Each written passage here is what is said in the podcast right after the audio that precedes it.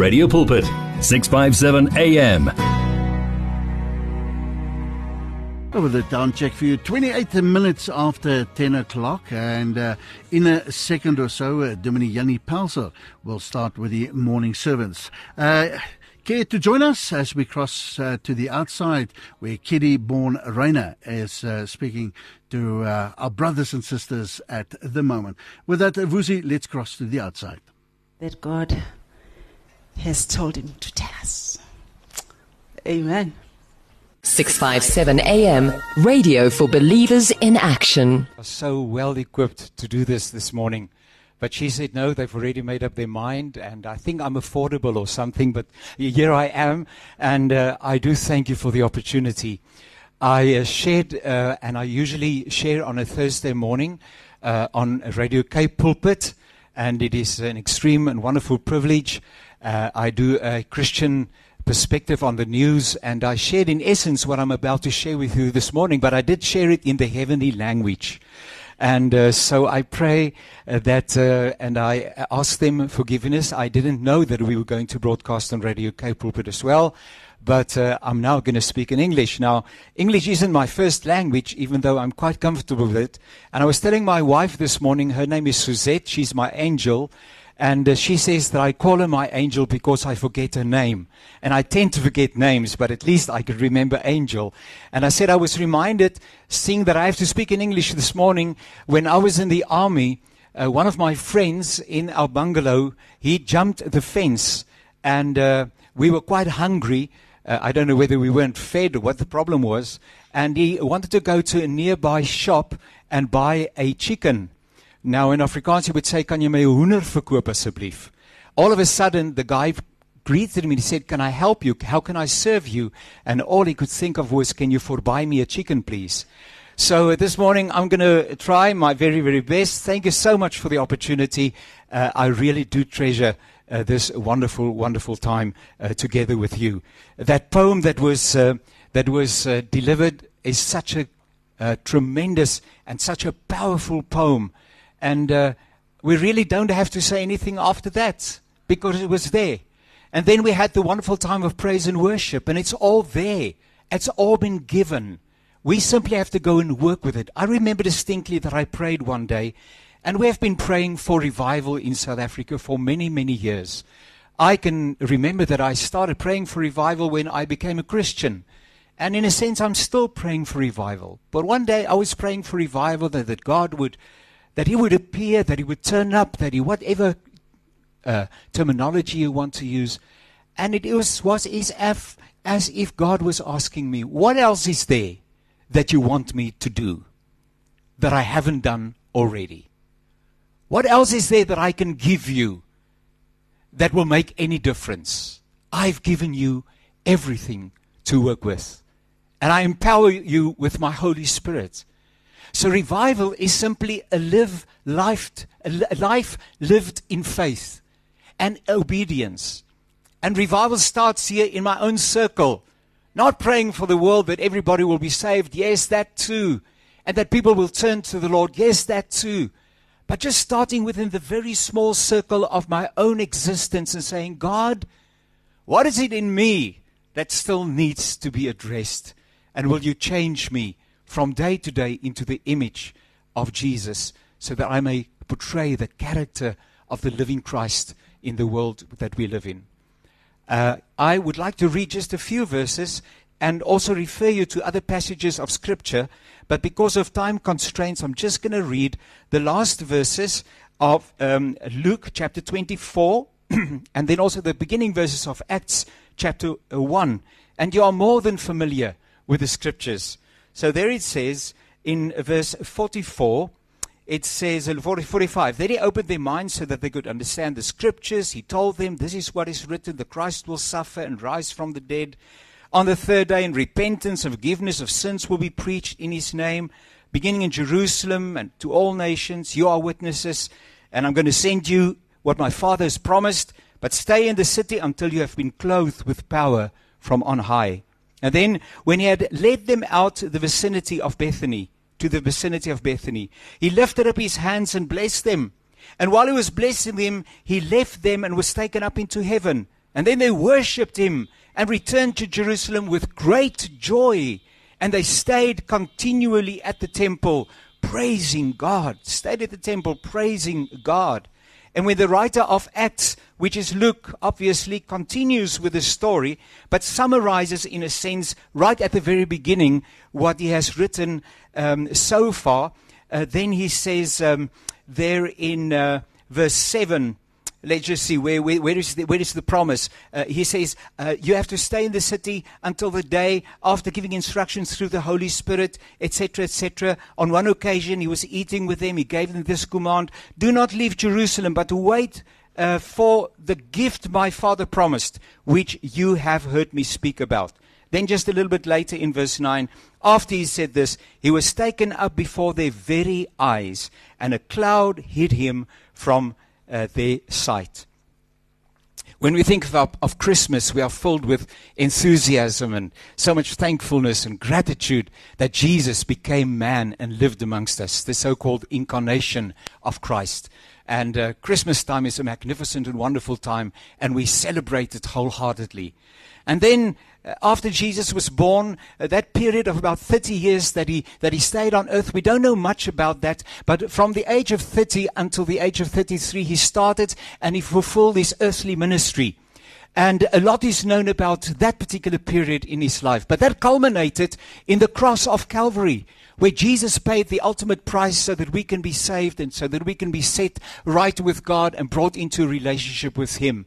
And so the picture that we have there is of a Christ that's bleeding, that is suffering, that is distressed, and a, Christ that on the eve before his crucifixion cried out to the Father and said, Father, if possible, let this cup pass.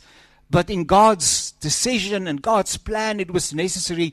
And Jesus went through that process and he paid the price. And when we think about that particular time in the church year, uh, Passover, especially the Friday, Good Friday, we, we sense that, that's, that fear and, and, and that anxiety that Jesus must have, the passion that Jesus must have felt. We, we share in it. And then on Sunday, Jesus rose from the dead, and we are so thankful that in His uh, in, in His resurrection, our own resurrection is guaranteed, not only at the end of time, but daily. On a daily basis, we get up in the power of the Holy Spirit. The same power that raised Jesus from the dead is working in us right at this very moment, encouraging us living the Christian life to the fullest. And so we are enthused about that. And then it's as if we forget about the ascension. It's not that important. We really don't know what to do with the ascension. So we simply pass it over, and many people don't even know that today is Ascension Day and do not celebrate it because what do we do with the ascension? What is the message, and how does it help us to face life's difficulties and the challenges that we are being uh, challenged with on a daily basis? And then, of course, from time to time, we think about the second coming of Christ, and that also fills us with, yeah, with mixed emotions. I don't know whether you like, are like me. I say, please, Jesus, come, but not today. Especially when you're in a grandfather and you play with your small children and so on. You say, Jesus, you can come, but not today. Because life, life has so many wonderful gifts that He still wants to share with us. Life on earth is worth the living simply because He lives. And we should not be so heavenly minded that we do not encourage and experience what is solely part of the Christian experience on earth. There's so much. I love that beautiful song. And one day when uh, I go to be with the Lord and they take leave of me, I want them to sing that song. I see trees of green, red roses too. I see them bloom for me and for you. And I sing to myself, what a wonderful world. God didn't mean to to uh, make it difficult, difficult, for us when He sent us and He, he uh, allowed us to be on earth. This is a wonderful, wonderful privilege to live on a daily basis. But back to the resurrection, to the ascension. What do we do with the ascension? So, for the sake of time, can I just point to three important uh, pointers or markers or facets or elements? Let's just, for a moment, concentrate on what happened before the ascension. And then for a moment, what happened at the ascension? And then what happens after the ascension? What happened and what is happening, what's supposed to happen after Christ's ascension to heaven? Before the ascension, uh, the Bible tells us in uh, Acts, we've read it, chapter 1, you know, you are well versed in it, that Jesus appeared to his disciples and other people for a period of 40 days, almost seven weeks. Now, it's quite interesting. Why did Jesus take 40 days to spend time with those people that were loved by him? And the Bible says that he loved them to the end. At that feet, foot, feet washing, we read that particular verse. But, but Jesus could have ascended to heaven right after paying that price and being, being resurrected out of death by the power of the Holy Spirit. It was accomplished. It was a success. Everything that he had to do, the will of the Father was accomplished. And so, why did Jesus spend another 40 days on earth? Well, I think because he's such a gracious, kind, magnificent, and stylish God. And he knew that it would be extremely abrupt if all of a sudden he simply appears is taken up into heaven, but his disciples needed to get used to the idea that he wasn't going to be with them as a physical reality on a daily basis. And therefore Jesus appeared and then he disappeared. Where he went, I don't know, but in any event, he wasn't with them all the time, but sometimes he appeared to them. Paul tells us in 1 Corinthians chapter 15 that Jesus appeared. He showed himself to be that he is alive so that there was no, no uh, wonder or anything about this, doubt about this reality. He uh, showed himself to 500 people at one particular occasion, and Paul says many of them are still alive at the time when Paul was writing his particular uh, uh, version of what happened uh, uh, during that particular, particular uh, period of time. But you know, three things come to mind that I think just underscores the fact that this Jesus is just so incredibly wonderful and so compassionate and so kind. He could have left doubting Thomas just where he was. Thomas said, I won't believe. I want to put my fingers in his, in his hands, in his nail pierced hands. I want to put my hand in his thigh, and only then will I believe. Jesus could have said, Thomas, well, you, kry maar vir. But I've already spoken to you. I have my ministry with you. I've been with you for three years. I taught you. I showed you. I exemplified many, many things and so on. So Thomas, if you doubt, this is for your, for your account. I'm sorry, Thomas, but I, I, I'm keen to get back to my father. I want to be reunited with my father. And so Thomas, but no. When the disciples were together, all of a sudden Jesus was there and he addressed the need of Thomas and he said, Thomas, come here. I thought you said that you want to, Thomas, here's my hands. Here is my thigh. And Thomas had an opportunity to address the doubt that was in his heart. Oh, what about Peter? Do you remember Peter? The last thing that he said is, he said, Lord, I will die with you when Jesus said that he was going to be delivered into the hands of the heathen, into the hands of what's supposed to be the Christian leadership at that time, or the, the, religious leadership of that time, and that he was going to be killed. And, Peter said, God, I, I'm willing to die with you. Jesus, I'm willing to die with you. I'll lay down my life. We know Peter. We love Peter for who he is. He always puts his foot in it. He doesn't think before the time. He simply acts on the impulse that he finds within himself. But Jesus understands it. What a magnificent and glorious Jesus it is that we serve. And uh, the last look that Jesus had from Jesus, that Peter had from Jesus, was on that particular unfortunate night when in the courtyard of the high priest, Peter stood, stood before those people. In Luke's account, there were three people that reminded and pointed to Peter and said, Peter, but you're part of that company. We saw you. You speak like those people. You act like those people. Everything about you says that you are part of those people. And Peter said, No, I don't know anything about him. And he even cursed and said, I don't want anything to do with him. And the cock or the, the, the, the, the rooster crowed. And Peter remembered before the cock or the, the rooster crows, uh, you will have uh, disowned me three times. And Jesus looked at Peter, the Bible says. And what did Peter see? I wonder what he saw in the eyes of Jesus. Was it Oh, Peter, I needed you at this time. If ever I needed somebody to be there for me, it was now. Peter, and in that crisis moment, and you were the only one in the area. All the others deserted me. But Peter, I, I reckoned, I, I, I, I thought that you would stand with me, Peter. But there was just compassion in the eyes of Jesus. That's the last thing that, Paul, that Peter saw. I'm sure it wasn't judgment. I'm sure it wasn't a pointing finger, Peter. You have disappointed me, like God in Christ Jesus can do with us on a daily basis. That was the last experience that Peter had with Jesus. And then on the beach, that particular morning, Peter and the disciples decided listen, we're going to go fishing. Let's go back to the life we had before we met him. Let's go back to normality. You can never go back to normality after you've met Jesus.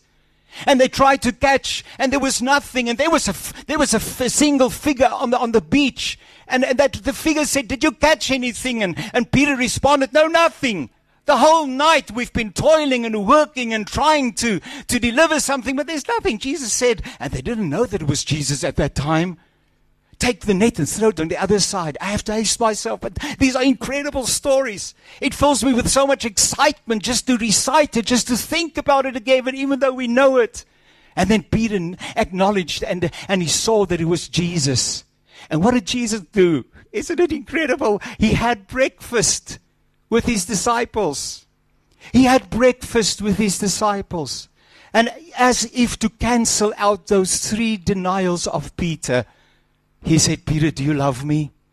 Peter said, Lord, you know that I love you. He said, Peter, do you really, really love me? And Peter said, Yes, Lord, you know that I really, really love you.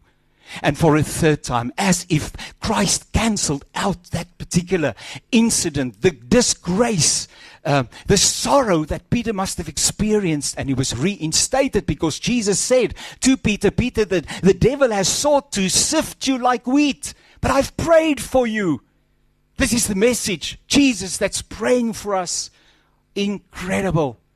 And I must, somebody said, what about Mary, the mother of Jesus? I'm referring to the time before the ascension.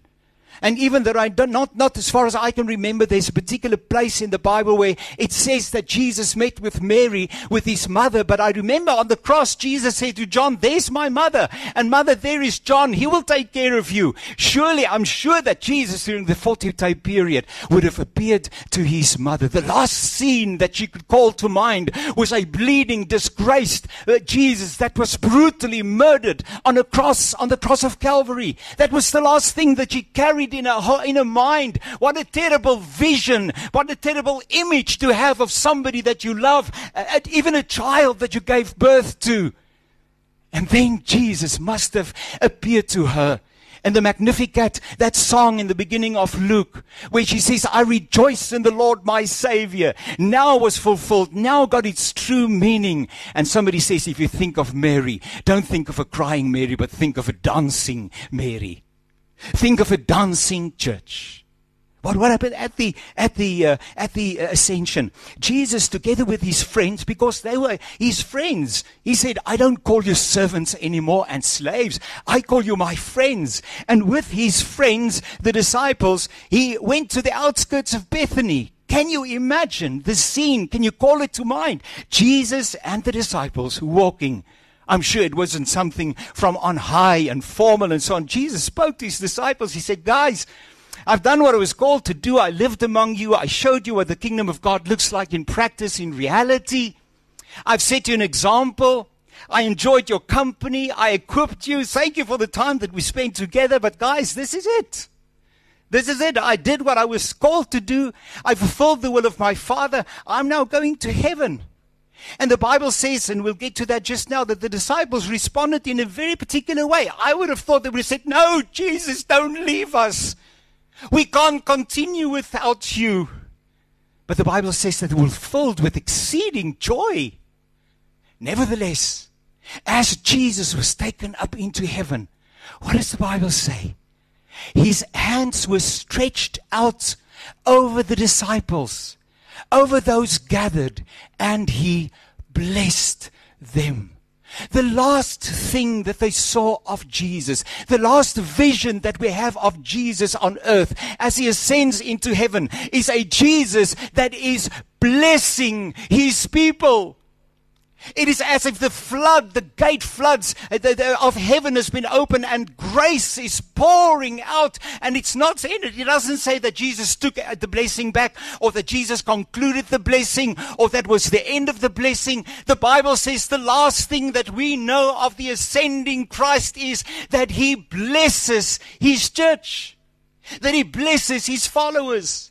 That He blesses, yes, even this earth, even though they do not always acknowledge it. Jesus is so ready, so willing to bless. If we would only embrace the blessing, make it part and parcel of our lives.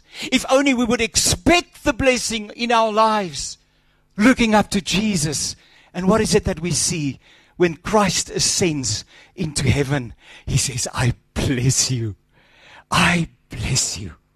We are familiar with the blessing in Numbers chapter 6. Perhaps it was that blessing that he spoke. That's a magnificent, wonderful blessing. We often use it in church services. Perhaps it was part of the blessing that Jacob expressed when he blessed his sons at the end of his life in Genesis 49. But just in ordinary lay terms, I think Jesus said, I love you. I'll be with you. I'm going to protect you. I will provide for you. I'll take care of you. I'll be there for you. It doesn't matter what life brings. I will never desert you. I will always be with you because we know that in the Holy Spirit, that is the truth. Jesus that says, whatever life brings, think about the fact that you are under my blessing. Can we form a picture of that this morning? The ascending Christ with his arms stretched out wide, blessing us as we gather here together, blessing every listener all over South Africa and even the world as they take part in this particular celebration, blessing the church throughout all the ages and whatever is to come. Yes, also a blessing, even though the world doesn't acknowledge it, but the world lives by the blessing of God. It is grace. I can see it in my spirit. It's like this container, and there is a stream of grace being poured out upon the earth. God's presence, God's provision in Christ Jesus. And then the Bible says, a cloud hid him and throughout the Bible, a cloud, and the cloud was an image. It was a, it was a symbol of God's presence. Think of the Mount, Mount Sinai. Think of the people leaving Egypt. Think of the transfiguration in the New Testament when Elijah and Moses came and they spoke to Jesus, and Jesus spoke to them about his departure. He said, I'm going to Jerusalem not to die, I'm going to Jerusalem to go to my Father. This is just a moment in the program. I need to lay down my life. But it was all about the departure and taking his seat of authority at the right hand of the Father, doing what he has, uh, what, what he has undertaken to do on our behalf. Blessing and also the cloud receiving Jesus back. I wish I could tune into that conversation. The Father speaking to his Son. Oh, Jesus, my Son, I'm so proud of you. I'm so proud of what you've accomplished. You were obedient. Welcome home. Welcome home. It was the seal of approval on the sacrifice that Jesus brought. Come, my son, I've prepared a place for you on my right hand. Come and sit in this position of authority. Magnificent, wonderful, a blessing Jesus. And then those two men, suddenly they were two men. They were dressed in white, probably angels. And they looked at the disciples, and the disciples, I, I, I, can't blame them. I would also look, now where is Jesus now? He's in a different reality. He's in a different dimension. He's not up there somewhere because where is up there? We shouldn't think of where Jesus is in spatial terms. He's in another dimension. My professor always said, Professor Haynes, he said, he's just there just in another dimension. In his physical form, he's not here, but spiritually, he's here in and through the power of the Holy Spirit. But Jesus is here, but Jesus is there also. And that's where we are going ultimately when he calls us home. And then on the other hand, I have to correct myself, and I'm coming to that just now in conclusion. And uh, the man said, Why do you stare up into heaven? This Jesus, he's coming back again.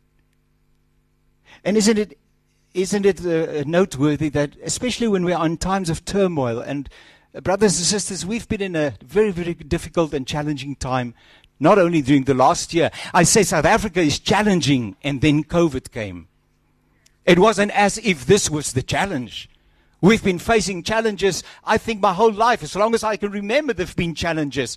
And there will always be challenges. But the blessing Jesus is with us through the Holy Spirit. Nevertheless, the Holy Spirit, Jesus said in John chapter 14 to 16, will be poured out, and the Holy Spirit will be with you. And the Holy Spirit will remind you. It's part of the package. Brothers and sisters, we can't think, we can't take these things, uh, uh, uh, uh, uh make it loose from one another. It's all part of the package. From the birth to the, the, the glorious uh, um, coming, second coming of Christ, it's all part of a package. You can't leave anything out because then you've got a distorted picture of what Jesus came to do when he came to earth.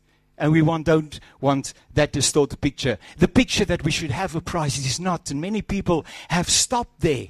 It's as if there's a whole spiritual life, and that is that is an aspect of of our testimony and of, of, of, of what Jesus did. But but but we have to move beyond a suffering Christ. We have to move beyond the suffering Christ, the Jesus on the cross.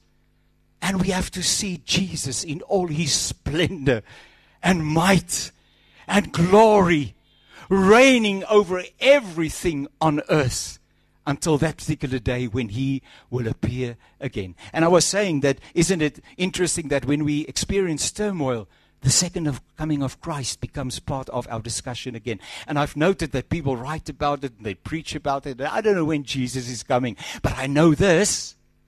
Today we are one day closer to the second coming of Christ than we was yesterday. That is a fact. And I know soon and very soon we are going to see the King.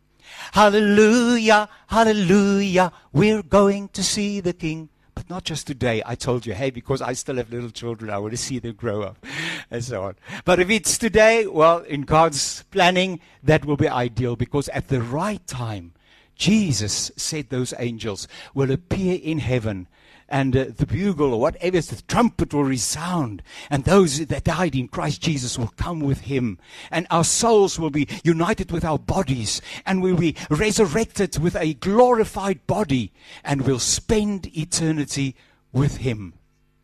Where? And this is the last part of what I want to share with you today. Jesus spoke to his disciples during those 40 days about what? The kingdom. He spoke about the kingdom of God. And what is the kingdom of God? It's God's answer. It's the alternative. It is the solution to all the turmoil and strife and heartache and, and, and, and, and, and whatever trauma that we are experiencing on earth. It is God's answer to the sin that we so often find ourselves in but from which He has saved us gloriously. And we are so thankful. The kingdom, that was Jesus when He started His sermon. Uh, when He started His earthly ministry, He said, The kingdom of God is at hand. And He gave instructions that pertain to the kingdom of God. Brothers and sisters, we should be busy with the matters that concern the kingdom of God. And I think that if ever there was a time that the church had to discern what are we busy with? And we're not saying it's not important to speak about the curtains and die story. I'm not saying it's not, it's, not, it's not relevant to talk about the seating and that it would be as comfortable as possible. But don't forget about the lady that lives next door to the church and that is dying in poverty and of loneliness and in despair. Whilst we're not discerning we have church meetings, we have discussions, we have synods, we have so many, many things. Are we surely busy with what Jesus said you should be busy with until the day that I appear on the clouds? I will test you in this. The Holy Spirit will scrutinize in terms of this. Were you busy with the things of the kingdom? I gave you instructions regarding the kingdom of God. How does what I'm busy with, how does what is on the agenda serve? The coming of God's kingdom in power and in glory. If I had to give a theme to today, and what is Jesus doing in heaven? He's interceding for us. Let me just get that over. And uh, he's pleading our case before the Father because the Bible says in Revelation the accuser is forever accusing us. I mean, kan jy dink aan 'n meer eenvoudige en 'n vervelige werk as dit om die kinders van God voortdurend by God aan te kla? But apparently the devil finds that most interesting. And so he's continually showing his fingers at us. And do you know, we are guilty of those things that he's accusing us. Because we are on this road of sanctification, growing in the glory and the image of Jesus on a daily basis. And I'm still in this body. And Paul says, Who shall free me from this body of death? And then he says, Praise God. Jesus Christ is the answer. Fact of the matter is, Jesus intercedes for us. Father, I know Jannie. ja, hy het jou alweer teleurgestel. Honestly, I will not. Uh, you, I don't know whether this investment is ever, ever, ever going to turn up any dividends. I mean, I invested my time, I invested my energy, I invested my spirit, I invested my, my word, I invested my promises, I invested everything in him. And he's so far from where he's supposed to be. But he's not where he was yesterday. He's on a journey. And I've undertaken that I will complete the work that I started in him until the day when I appear on the clouds or when I call him home. Then he will be perfect. But in principle, we are the righteousness of God. And when the devil says, Have you seen that guy? Have you seen that guy? I don't know whether he can say anything about Carl, but the rest of us, yes. we probably have a problem. And Jesus said, Father, that was why you sent me. I paid for him. And I just will remind you, he's in me. He is totally, totally acceptable as a citizen of the kingdom of God. I was saying that if I had to give a theme to what I'm sharing with you today, it would be heaven on earth. We need to repent from that vision that we have. We're going to join Jesus one day in the sky and we're going to go somewhere. I don't know where it is. And there we will spend eternity. We're not going anywhere. We're coming here. This has to be renewed. This has to be restored. That's what we are busy with. We are restoring this place. This reality that we find ourselves in has to become heaven. Our calling is to bring heaven on earth. Yes, in its fullness it will come when Jesus comes on the clouds. Yes, only then will it be in its fullness. But on a daily basis, how can I exhibit? How can I give a demonstration? How can I, how can I contextualize my faith in Jesus by changing other people's realities? He changed my reality. Now my calling is to change the reality of other people and to point them to Christ who's in heaven interceding for us and who's coming again the blessing, Christ, the reigning Christ. You know, we sing, He is Lord. We think, we think of that song and we say, Jesus, the first time that He was on earth, He was a, He came as a servant. When He comes again, He will come as Lord. Yes, that's true, but He's already Lord. Our Lord is in heaven, seated at the right hand side of the Father, and He reigns. There is no other thing to say about Him. He reigns in majesty and glory. I finish. In heaven, there's no poverty. Oh, that was mine telling me that my time is over. In heaven, there's no poverty. Our responsibility, I'm talking about all, all hunger and starvation. Our responsibility because we have to bring heaven on earth in this interim period after Jesus ascended, after the Holy Spirit was, was poured out, after we have been mandated by the Holy Spirit and equipped by the Holy Spirit. What do we do? We point people towards our destination heaven, a place where God is all and in all. And I take my bread and I take my food and I share it with people who do not have, and I tell them as I'm sharing it, this is our destiny. Just hold on. Don't give up. And I'm going to be the best expression of heaven that I can be. But this is where we're going. In heaven, there's no nakedness. So I share my clothing and I share what I have with other people because in heaven, everybody will be clothed adequately. In heaven, there's no coldness. People dying because they are uh, they are uh, part they, they are uh, put uh, to the, the, the, effects of, of what, what we and we are going towards winter at the moment because they, we're not able to to uh, to warm themselves. In heaven, there's no cold. The temperatures even in heaven, and we take blankets and we hand it out, and we say to people, we're on our way to heaven. I want to be a symbol of that reality. In heaven, there are no tears. Oh, man. I get so upset sometimes when I look at this world and I see the many, many tears, the injustice, the injustice of the world that we live in, the injustices in South Africa. It is incredible. It is far reaching. It is the poorest of the poor that are suffering, that are asking questions. Where is God? Where is God? And then I turn up as an expression of the hands and the feet and the eyes and the ears and the heart of our Lord Jesus Christ. And I take out my handkerchief and I dry those tears and I tell them, Can I be an expression today to you of the greater reality, the capital letter R reality that we are heading towards? There will come a day when all these things will be over and we'll spend eternity in total completeness in the presence of God. Meanwhile, I have feet.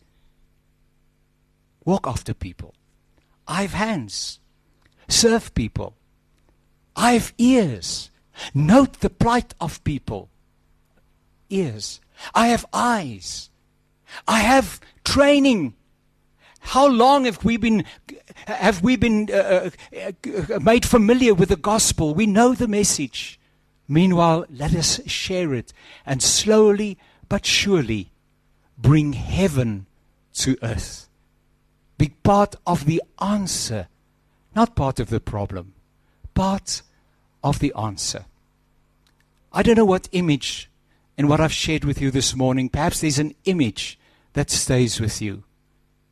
But there's an image that I'm going to take with me into the days that lie, be, be, li, li, that lie uh, be ahead. And that is the image of an ascending Christ ex- extending his arms, blessing us. I don't know what challenge you are facing today.